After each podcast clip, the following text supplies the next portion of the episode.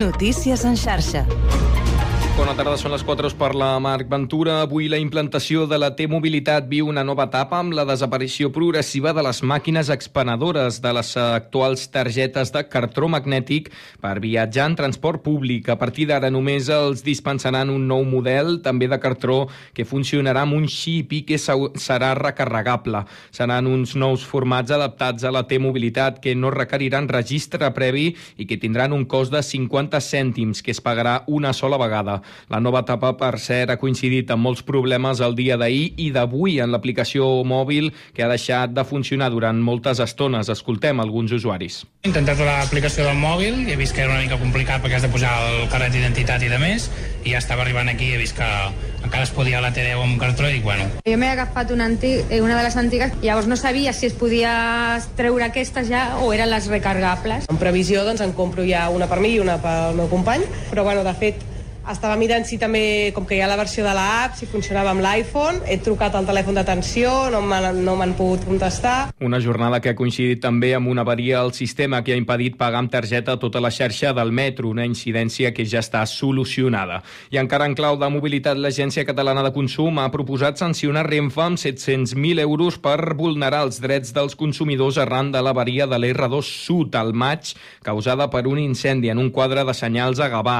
Concretament, Consum va observar deficiències en la informació als usuaris en relació a l'alteració del servei, als, als horaris o als transports alternatius. A més, va detectar punts d'atenció al client tancats o que es venien bitllets per a trajectòries suprimits.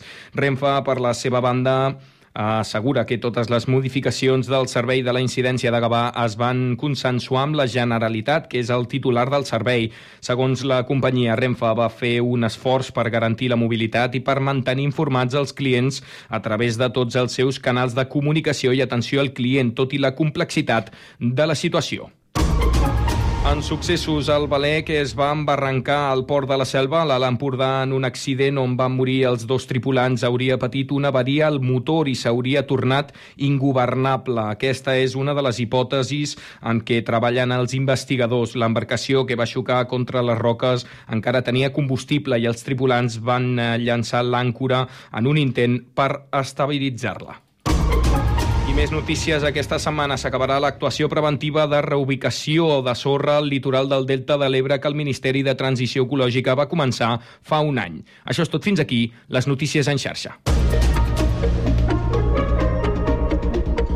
Notícies en xarxa. 4 i 3 minuts. Comença el Connectats.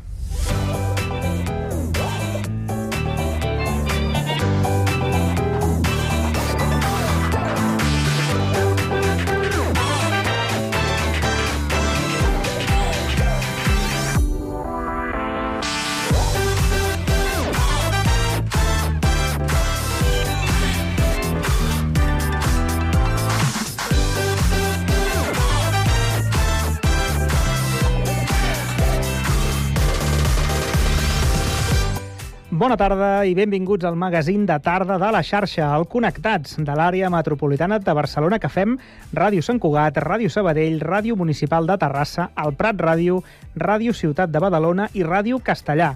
Una salutació de tot l'equip conduït a la part tècnica per Pablo Palenzuela i de qui us parla, Albert Soler. Avui és dimarts 28 de novembre i volem saber quin temps ens espera aquesta tarda. Lluís Mi Pérez. Començat aquest dimarts amb molts núvols, també amb vent, que especialment a les Terres de l'Ebre ja ha passat dels 100 km per hora, però gran part d'aquestes nuvolades s'estan trencant. També el vent està anant de baixa per bé que no acabarà de desaparèixer al llarg de les properes hores, especialment a les comarques del nord de Castelló, les de l'Ebre i també al Camp de Tarragona. Al llarg de la tarda i vespre, fins i tot, la tramuntana es reforçarà una mica al nord mm, del Cap de Begú, especialment arran de mar. Això farà també que hi hagi una pitjor situació marítima, entre Maró i Forta Maró fins i tot al llarg d'aquesta tarda, vespre i nit. Les nevadetes que hi havia al Pirineu s'han anat retirant, només quedaran quatre núvols poc destacables i amb una tarda que es presenta força suau, especialment a la Costa Daurada. En canvi, a la Catalunya central, ambient que quedarà ja més fresquet. El dimecres tindrà més núvols i, de fet, aquesta matinada, amb alguna pluja feble entre el sud de Girona i nord de Barcelona. També demà al voltant del migdia, quatre gotes mal comptades i, si de cas, demà al vespre, algun ruixat més intens al Pirineu lleidatà. Us seguirem a la xarxa.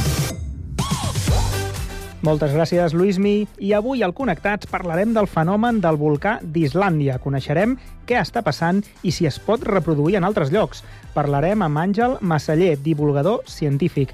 I acabarem la primera hora amb la tertúlia generalista per parlar de la reacció del sector marítim a la penalització per les emissions contaminants i sobre la renovació dels càrrecs polítics.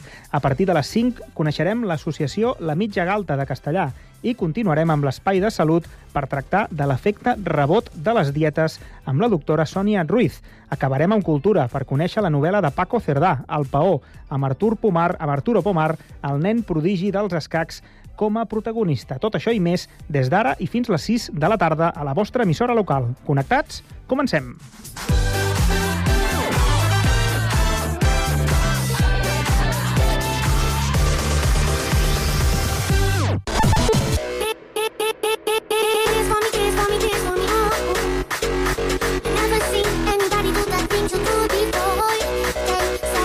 Connectats, una experiència radiofònica a Sabadell, Terrassa, Sant Cugat, El Prat, Castellà i Badalona.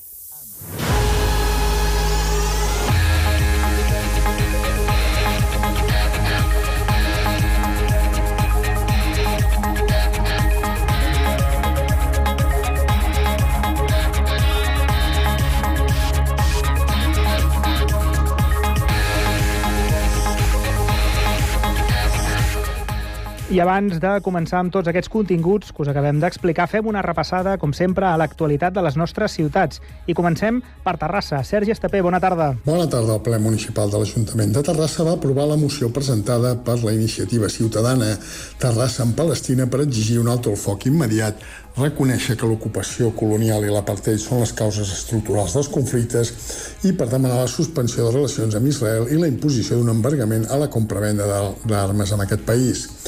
La moció aprovada es compromet a que l'Ajuntament demanarà formalment per carta al president Pedro Sánchez que decreti un embargament de compra-venda d'armes i la suspensió de la cooperació militar i d'investigació amb l'Estat d'Israel així com que el govern de l'Estat emprengui un programa de sancions contra el govern d'Israelí i la suspensió de les relacions fins que compleixi amb les resolucions de Nacions Unides.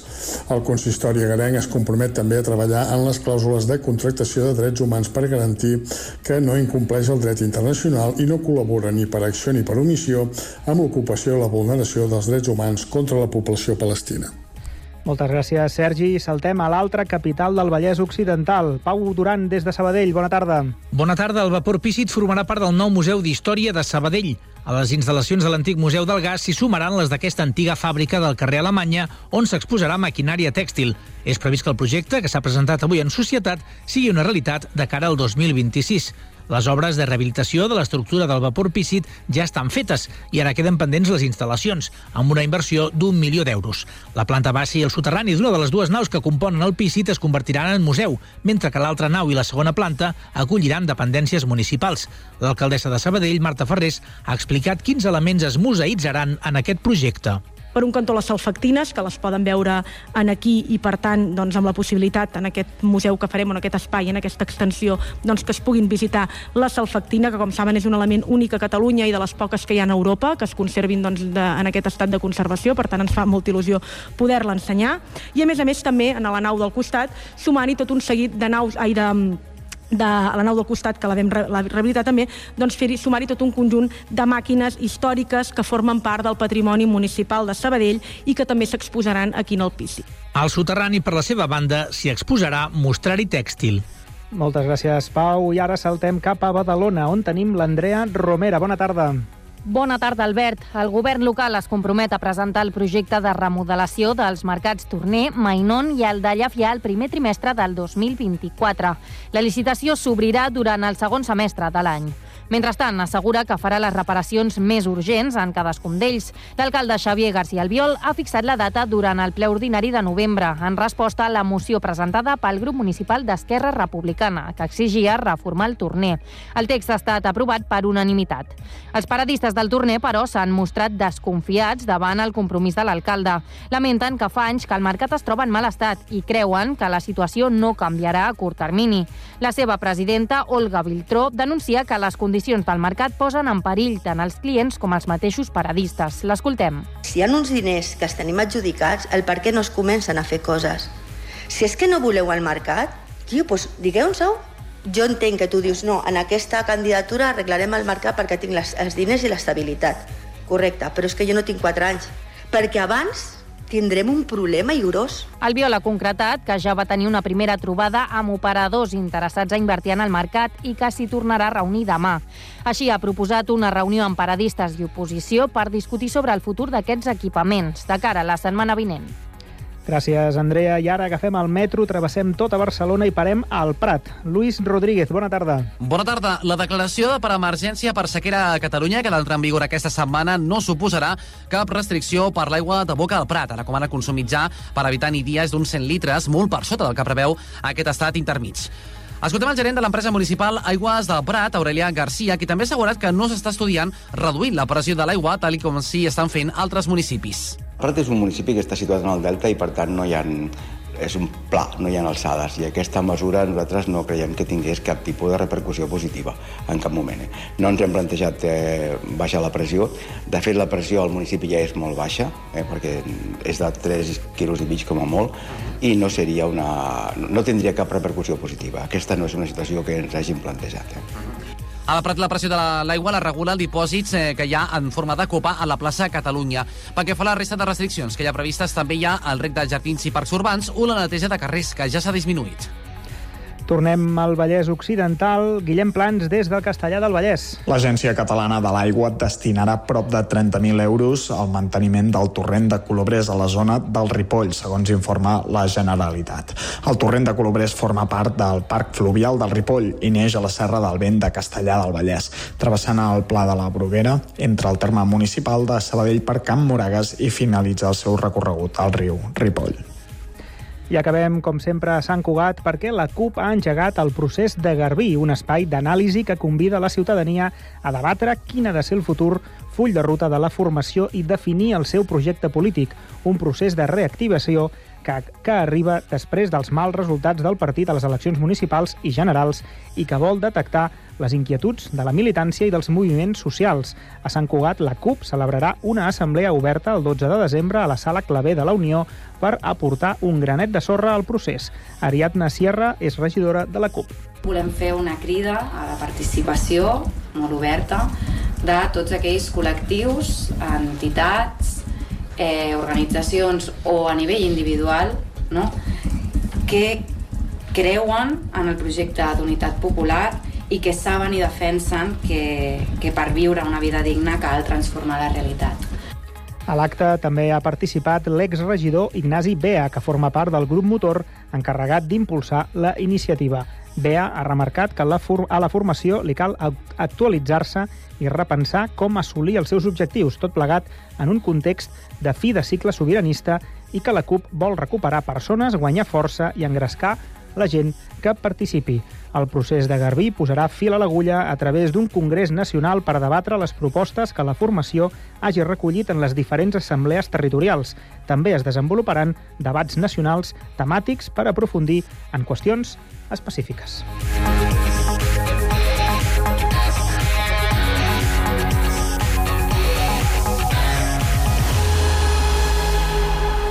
La lluna es posa vermella quan descobreix el teu art. I ens hi posem tan fort que portaríem la vida a mar. Quan els dos som un, descobrim un món profund i donem llum a mil ciutats. Vam néixer per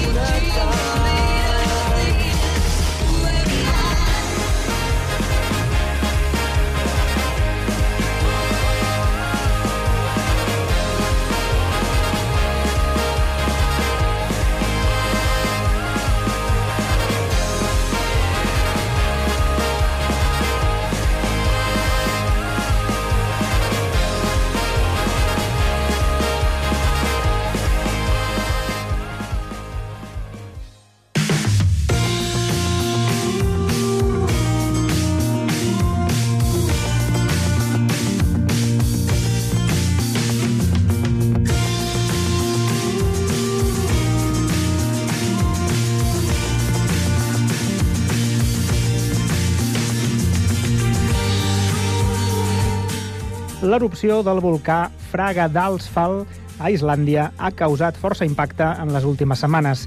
Per saber detalls de tot plegat i les possibilitats que això passi al nostre territori, parlem ara amb el divulgador científic terrassenc Àngel Massaller. Bona tarda, Àngel.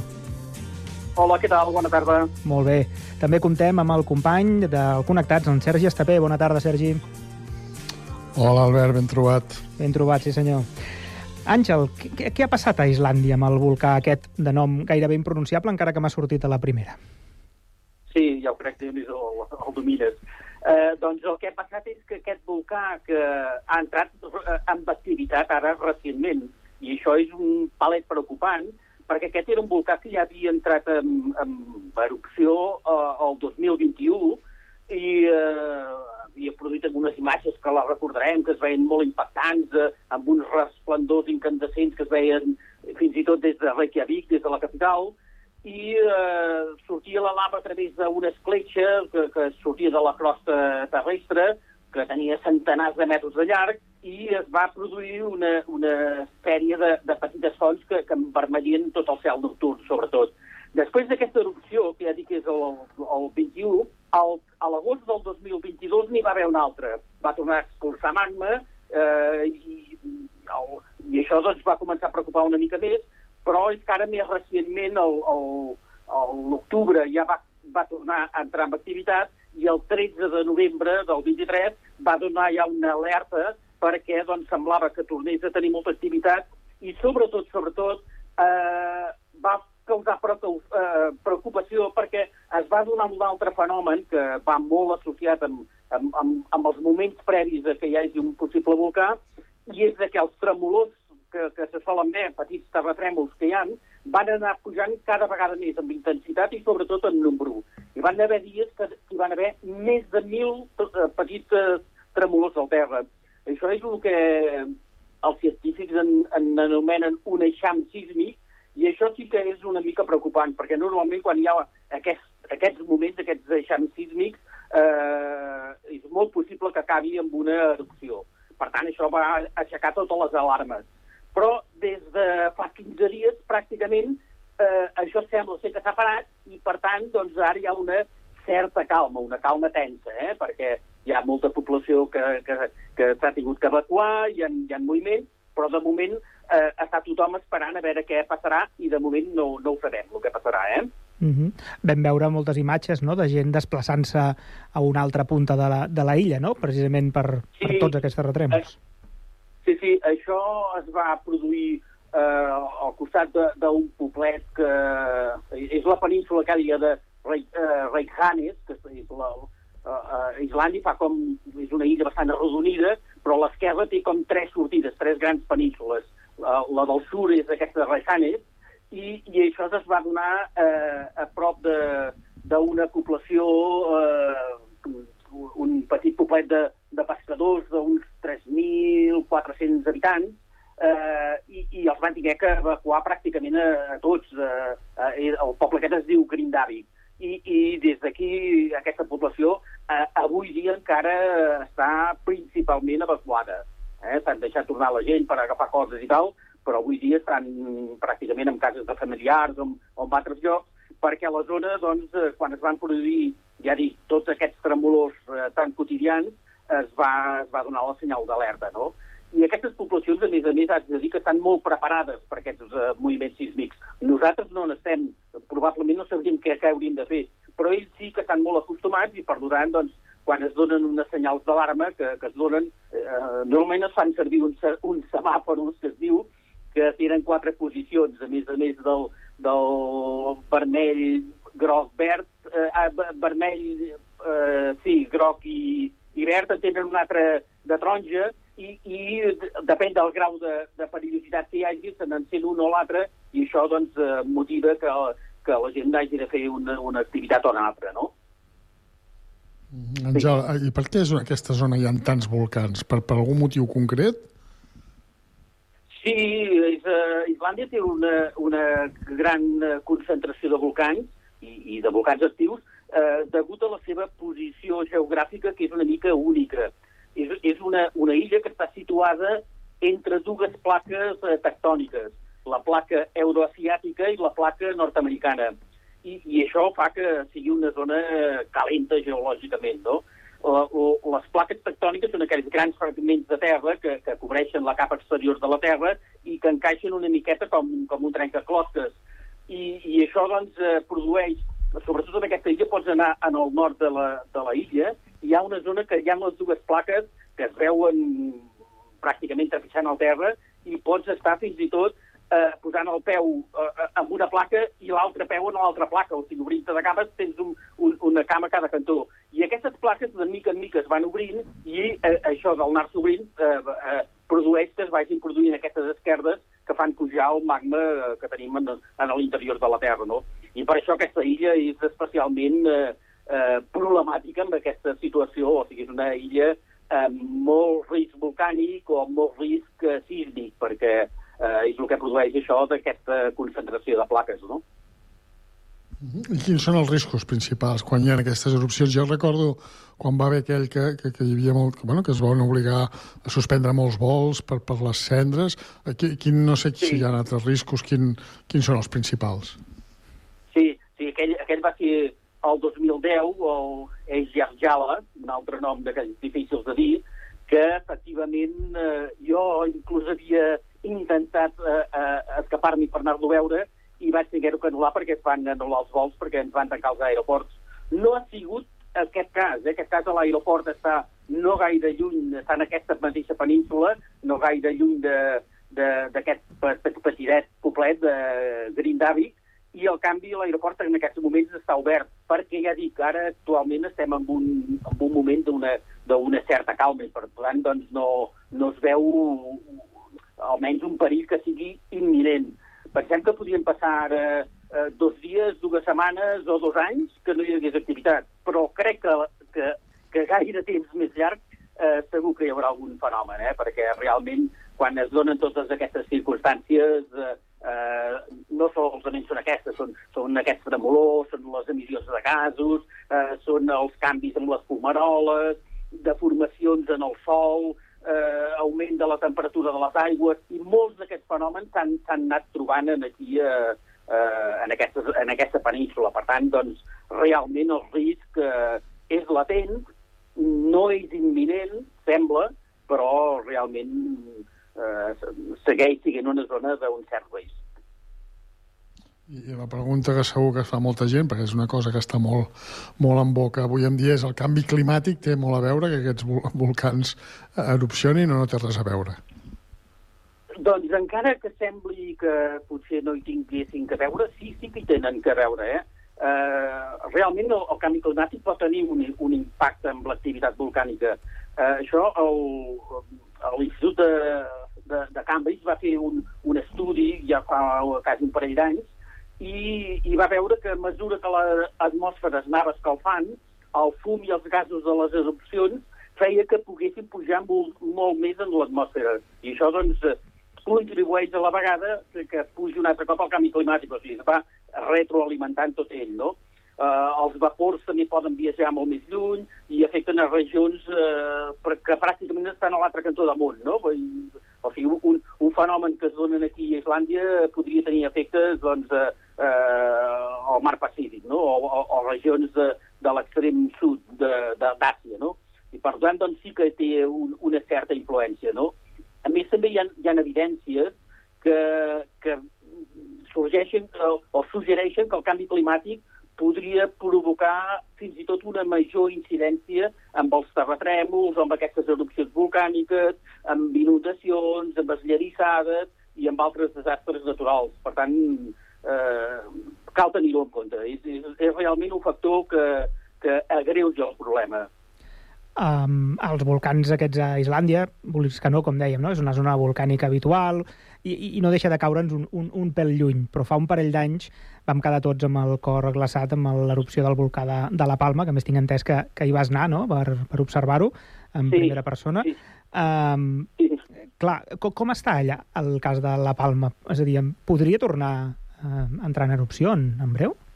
Uh, realment aquella zona és, és una mica conflictiva, també, des del punt de vista sísmic. Eh? Uh, no sé si teniu present ara mentalment la, el, el perfil de la illa de la Palma, a, a, a, a la part nord hi ha la, la, la gran caldera de Taburiente, que és, és una zona antigament volcànica, allò pràcticament està quieta, però després eh, surt un perfil, una, una cadena muntanyosa que va una miqueta pràcticament fins al sud, va baixant per tota una carena, que és la carena precisament anomenada de la Cumbre Vieja, i en aquí és on es va produir aquest volcà, que se li va donar el mateix nom d'allà on s'havia produït, Cumbre Vieja, però aquí hi ha una sèrie ja de volcans que, que han sigut relativament importants. Hi ha el, el, el volcà de San Antonio, el volcà de San Juan, i molt més avall hi ha el Peneguia, que havia sigut un volcà que havia entrat ja en erupció en l'any 71. Per tant, és una zona, és un, una, una, una, tot una,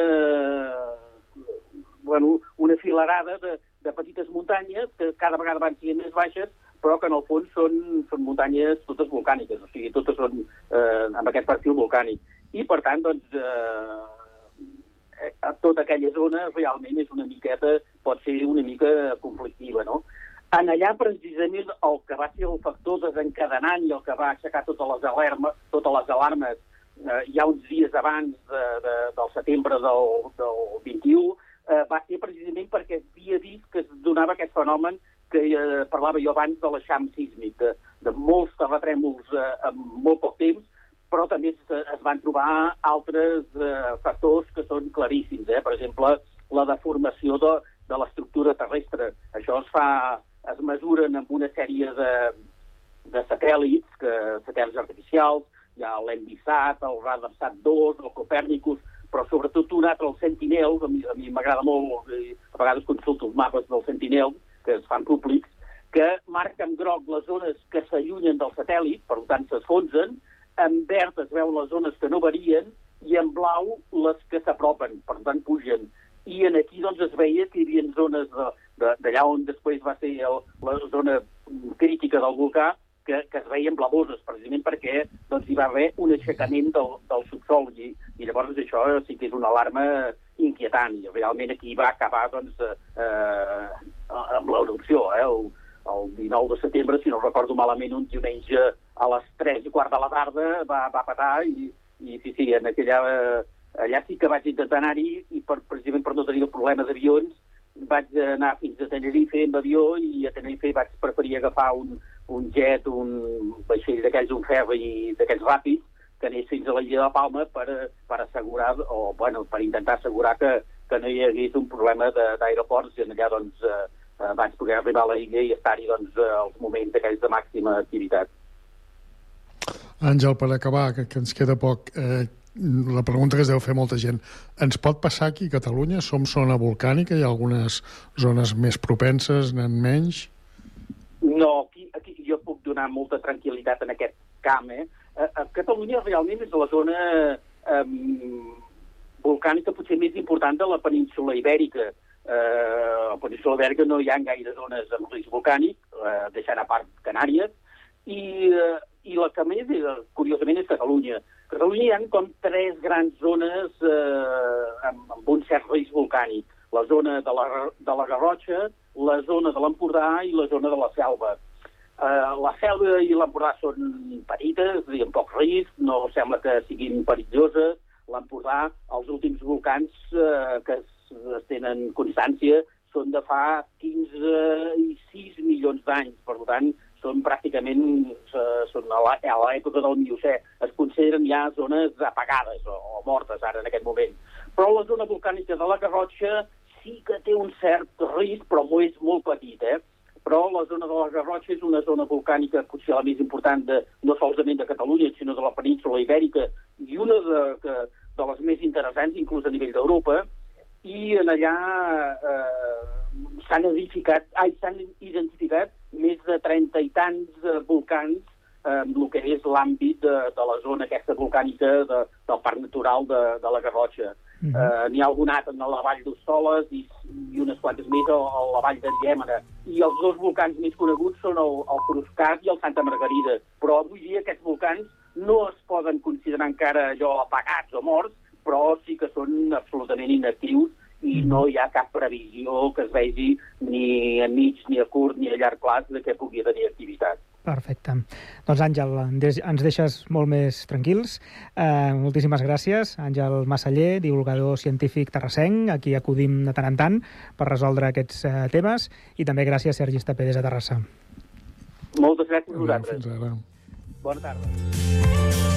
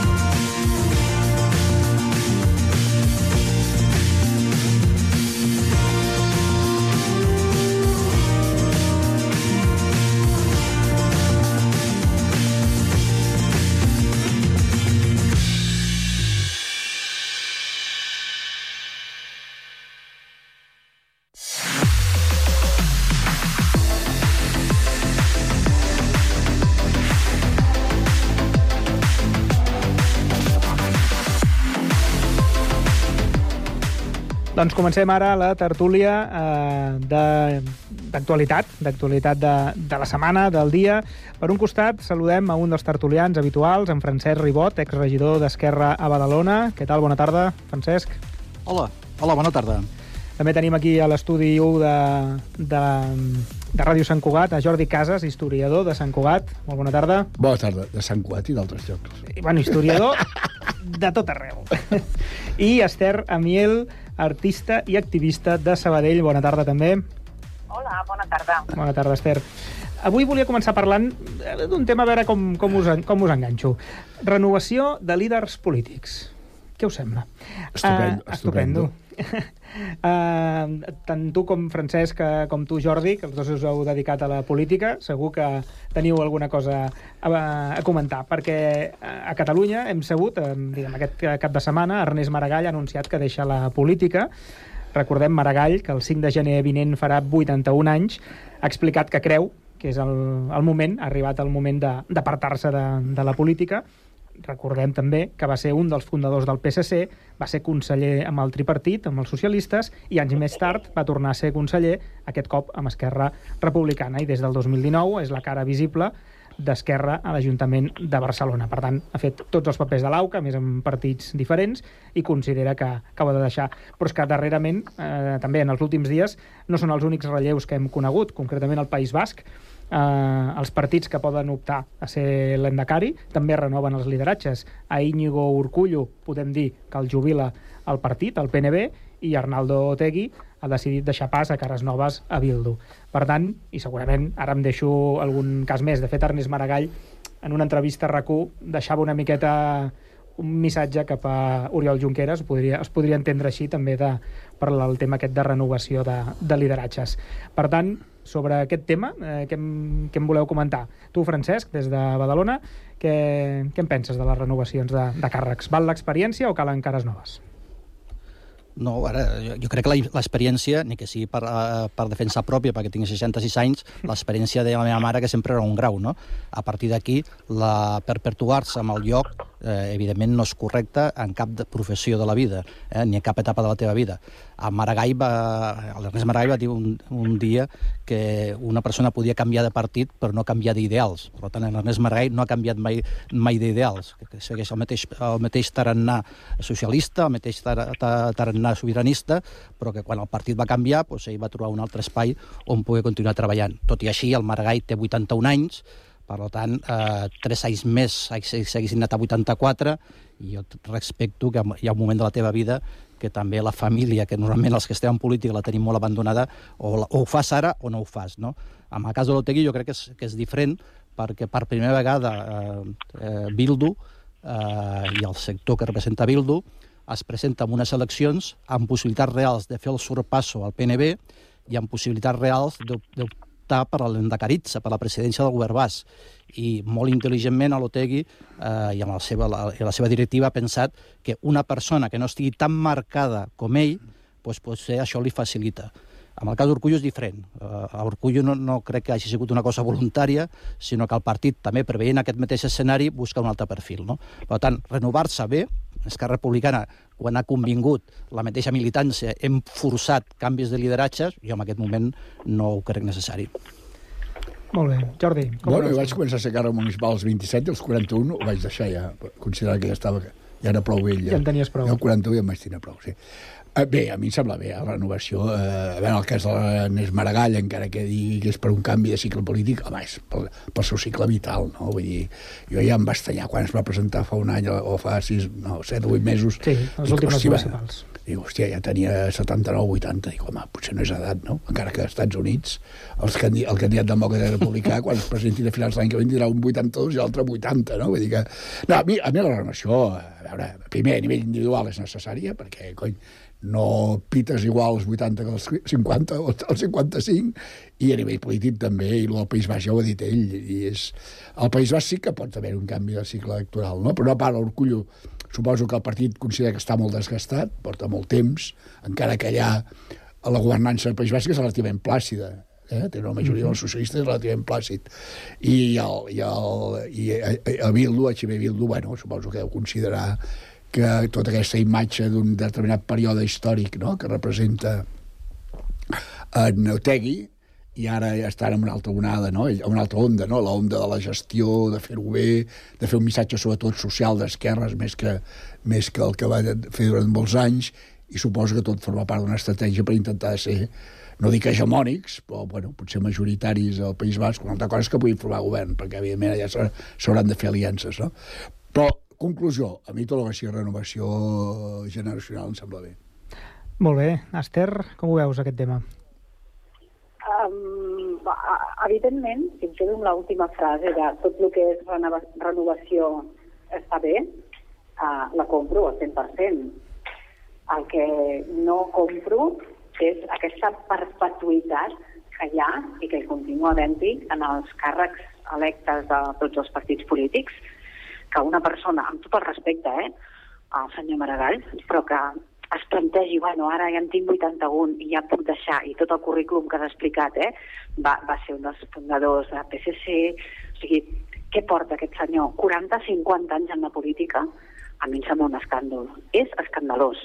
És escandalós que estiguin uh, cobrant uns sous desorbitats, perquè és el que passa, amb aquests alts càrrecs i tota aquesta... La, la gent que ens dirigeix, amb uns càrrecs escandalosos ah, durant dècades i dècades i dècades, que els allunya dels problemes reals de la societat, que en teoria són els que ens els han de solucionar, amb uns sous públics, és a dir, que surten de les, de les arques públiques i que ho veiem bé i que ho normalitzem, tot això. Hi hauria d'haver un màxim de... No pots tenir un càrrec, un alt càrrec, més de 10 anys. No, no sé, m'ho invento, eh? Però és, que és escandalós. Per mi és absolutament escandalós. Molt bé. Eh, clar, suposo que són dues coses. Una altra és, el, per un costat, és quant de temps en un mateix càrrec no, pots estar, que hi ha la, els partits o fins i tot les persones que consideren que dos mandats, no? Els 8 anys és un límit. Sí, clar.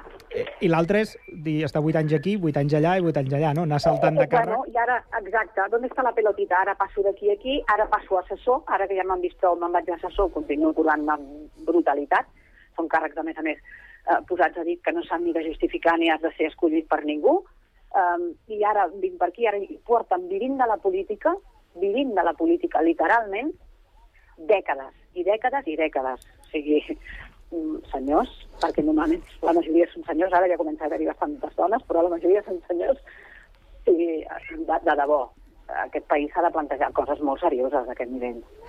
Jo, jo, jo, jo, jo crec que el, a Catalunya i a Espanya, en els últims anys, hi ha una renovació. En aquests moments, si tu vas mirant els càrrecs més significatius, no és gent gran. El president de la Generalitat és jove. El president, Acaba de del- fer 40 anys, el president i la vicepresidenta i les, tens vice, raó. i les vicepresidentes del govern central són joves, no? Vull dir, els, els, ara no tinc en mente els presidents dels comunitats autònomes, però en general són relativament joves, no? Per tant, sí, s'ha s'ha produ- Digues, s'ha produït un rejuveniment, Sí. sí. no, que s'ha produït un rejuveniment de la política en general, no? Sí. Pensa que, si fem una mica de memòria, recordem que l'Alonso Alfonso Guerra va estar 38 Sí, sí. anys Bueno, fent de diputat. Guerra és un el Felipe, el. Felipe González el Felipe González, 23 anys. A Badalona és. tenim un, al, Bueno, un alcalde... Una, una, sí. sí, sí. A Badalona tenim un alcalde eh, que de moment porta 32 anys fet de regidor i que Sí, sí, sí. se el sàpiga no se li coneix professió. Va començar Sí. entrant No, no, no. de regidor i ja està. Bueno, el i Felipe, així, el Felipe González del senyor Guerra Iceta tampoc segueixen, se li eh? coneix. Al senyor Iceta tampoc se li coneix i ara és, és No, diputat jo- el- parlamentari. el que passa que- Espera, deixa'm, deixa'm, eh, deixa'm acabar ja, eh, o sigui, perdo el fil. Jo, per exemple, quan jo vaig ser regidor, no dic com a mèrit, era l'època i era Sant Cugat, eh, el càrrec, la remuneració era simbòlica. Això et dic que els regidors que tenia el meu grup, el que cobraven, fotràs un, un fart de riure, de sobre ho, ingressaven al partit, no? Era l'època, jo en dic, del, del municipalisme romàntic, no? Ara és cert, eh, tampoc diré que per, per, per sistemes són exagerats els sous, no ho diré, eh? vull dir, cada cas és un d'allò. Però sí que és veritat que es té una cara polític, inclús de regidor de l'oposició, comença a ser remuneratiu econòmicament.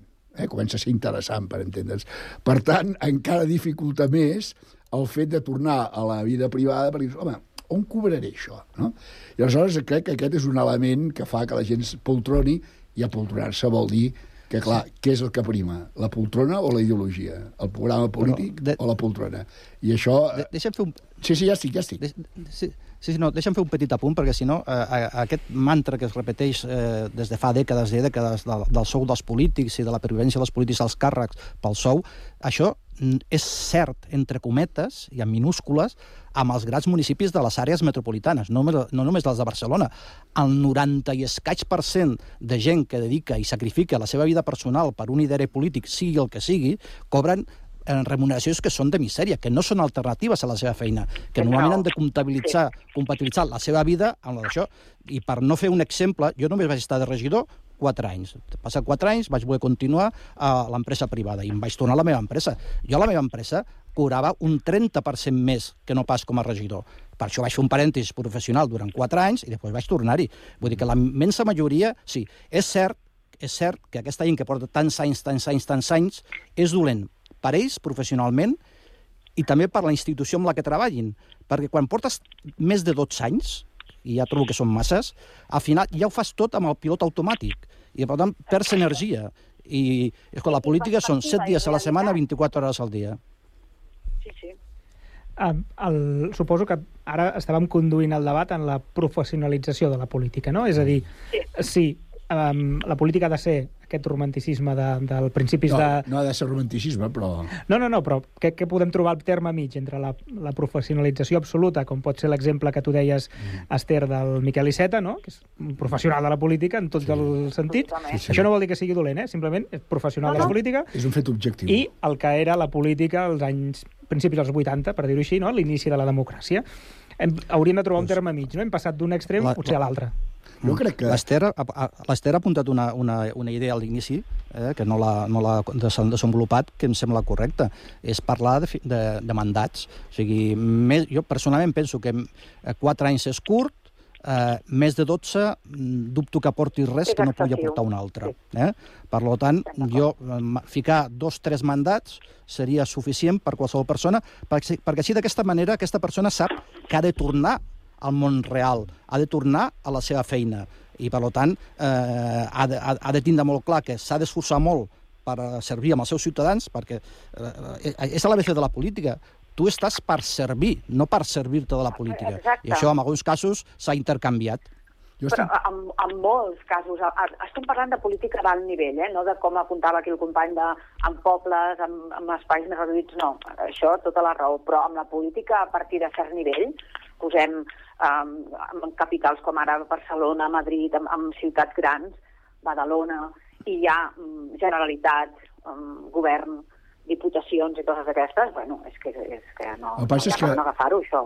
És que la, eh, eh, la política és una mica eh, contradictòria, no? Perquè tu, per exemple, ets diputat per diputació, ni Déu sap què fas.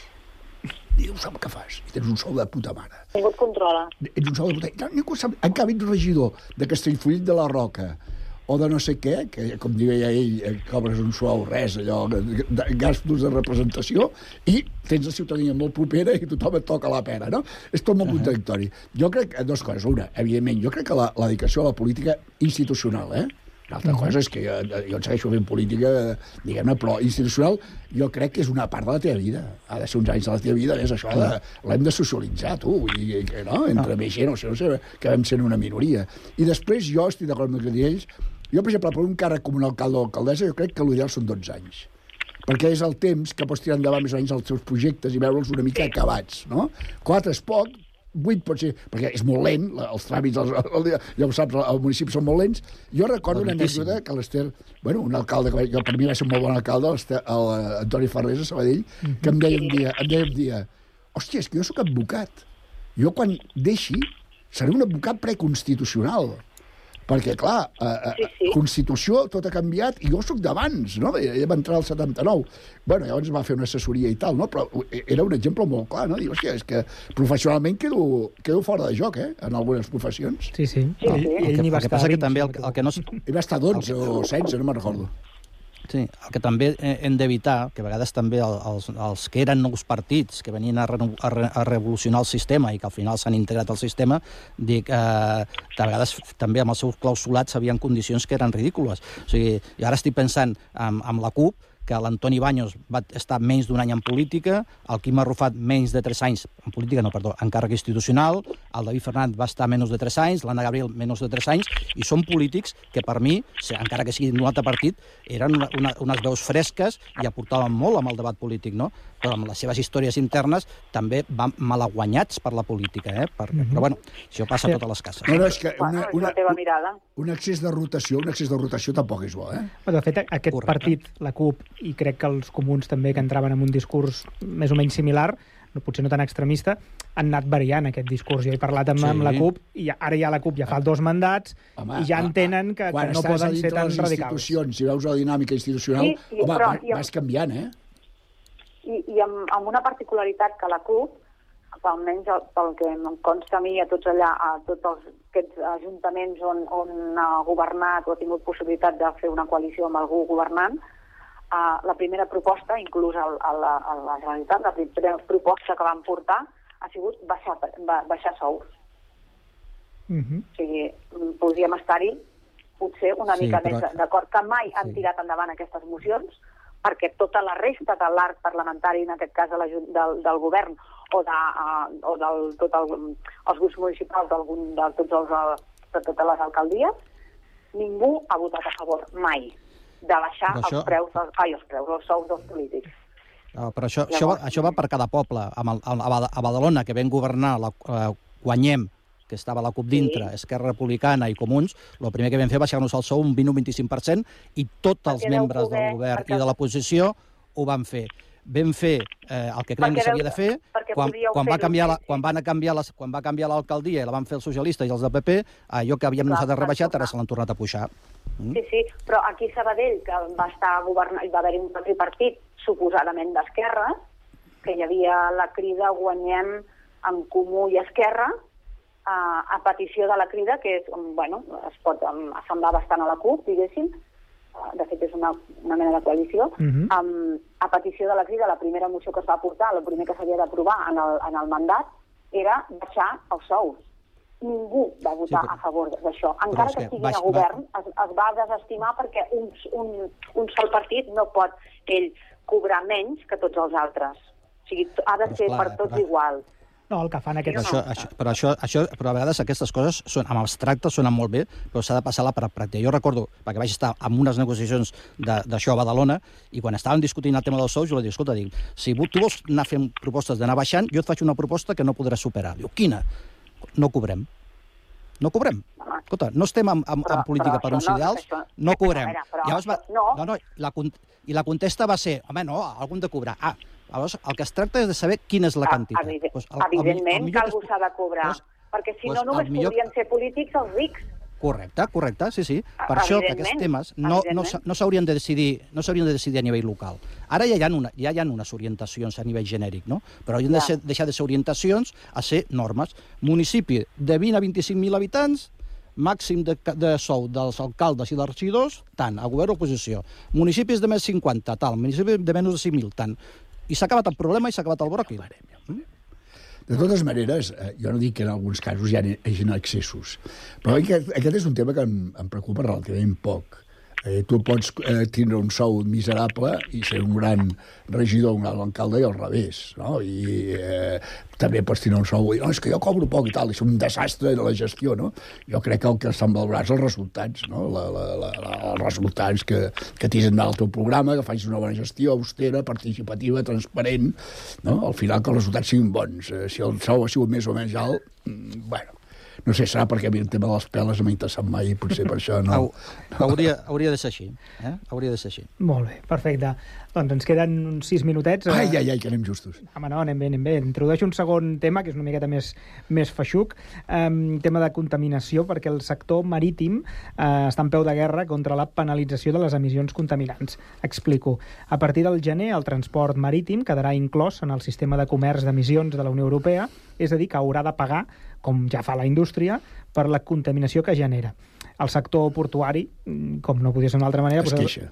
Exacte, ha posat el crit al cel i creu que tindrà un efecte contrari al desitjat, una eventual fuga del trànsit cap al nord d'Àfrica i de retruc podria estalviar, desviar aquestes emissions de carboni cap a, cap a aquests altres països.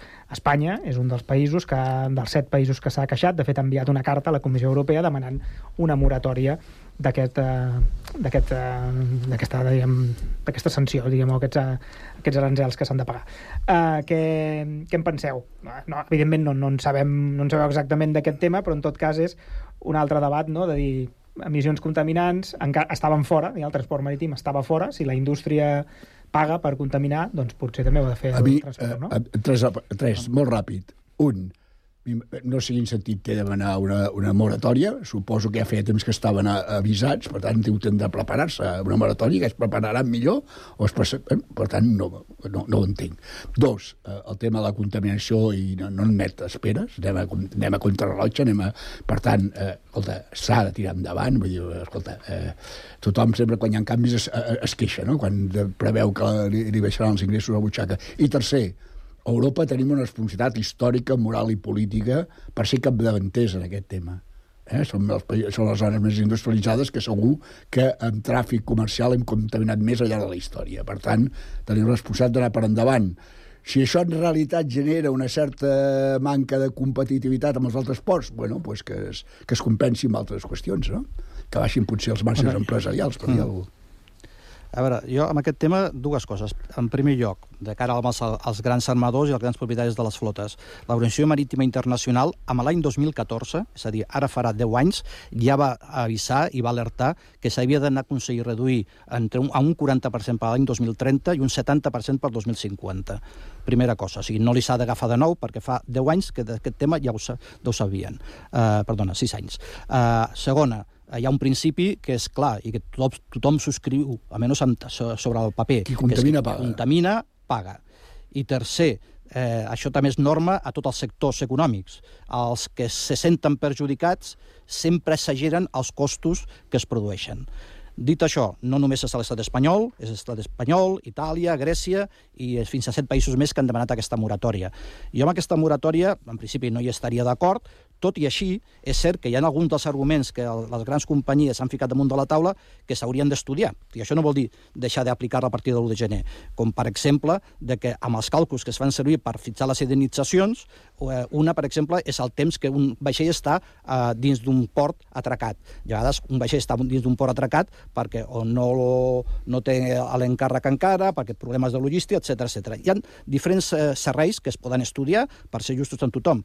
I després hi ha, una, hi ha els efectes no desitjats eh, s'haurien d'estudiar i analitzar en profunditat. No? Eh, per exemple, entre Barcelona i Catalunya i Itàlia cada dia sortien 10.000 vehicles. S'ha aconseguit amb els últims anys que 1.000 baixin per, per vaixell. Clar, els que surten més penalitzats són aquests vaixells que fan el recorregut proper. bueno, doncs si aquests 1.000 no li surt a compte, els, els tornem a tindre en, en carretera. I no oblidem que, eh, que contamina molt més el transport per carretera que no passa el transport per, per vaixell, no? més o menys perquè eh, realment el tema és complex i donaria per haver començat amb aquest tema al començament, però el que passa que l'altre era, era més divertit. Eh? Molt bé. Esther?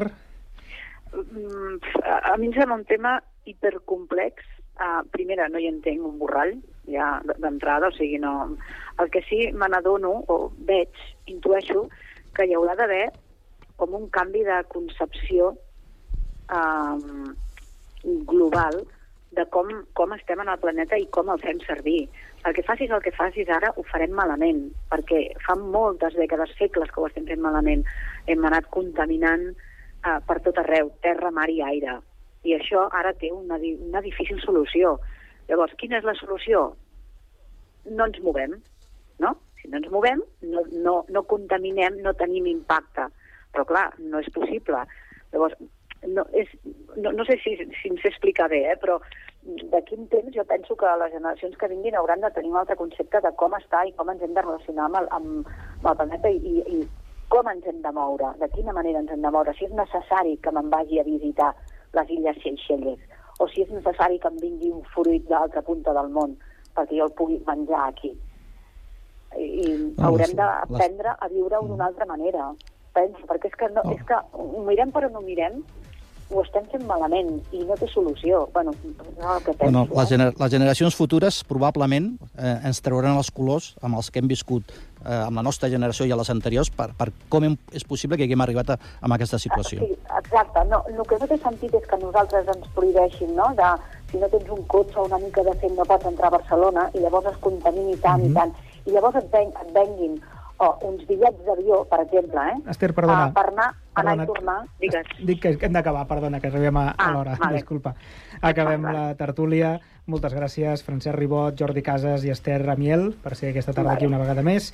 I els oients ja ho saben, tornem després del butlletí de les 5. Moltes gràcies. Molt bé, fins un altre, un plaer.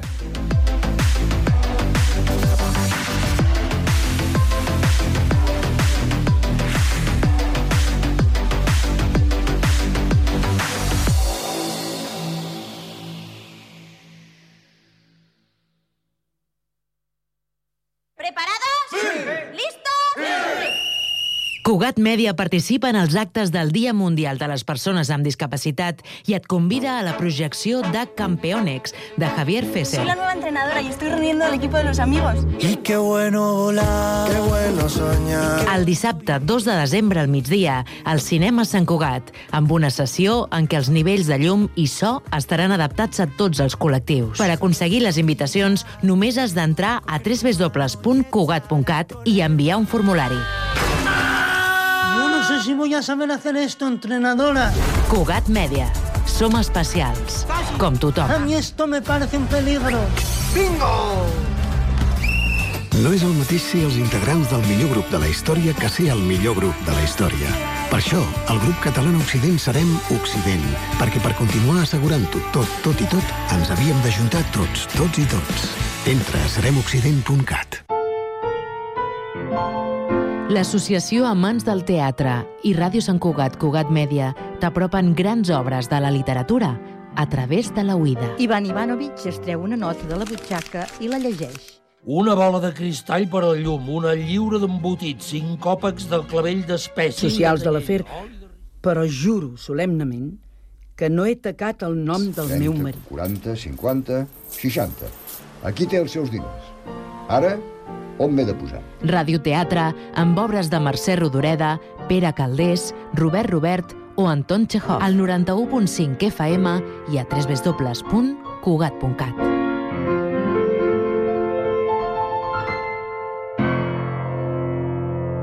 Cocodril Club. Si t'agrada la bona música dels anys 60, 70, 80, escolta Ràdio Sant Cugat els divendres a la nit de 10 a 12. És el temps del Cocodril Club, tot un clàssic de la ràdio. Recorda, divendres, de 22 a 24 hores, a Ràdio Sant Cugat, 91.5 FM. Cocodril Club, el programa revival de l'Albert Malla. Hasta luego, cocodrilo. No pasaste de caimán.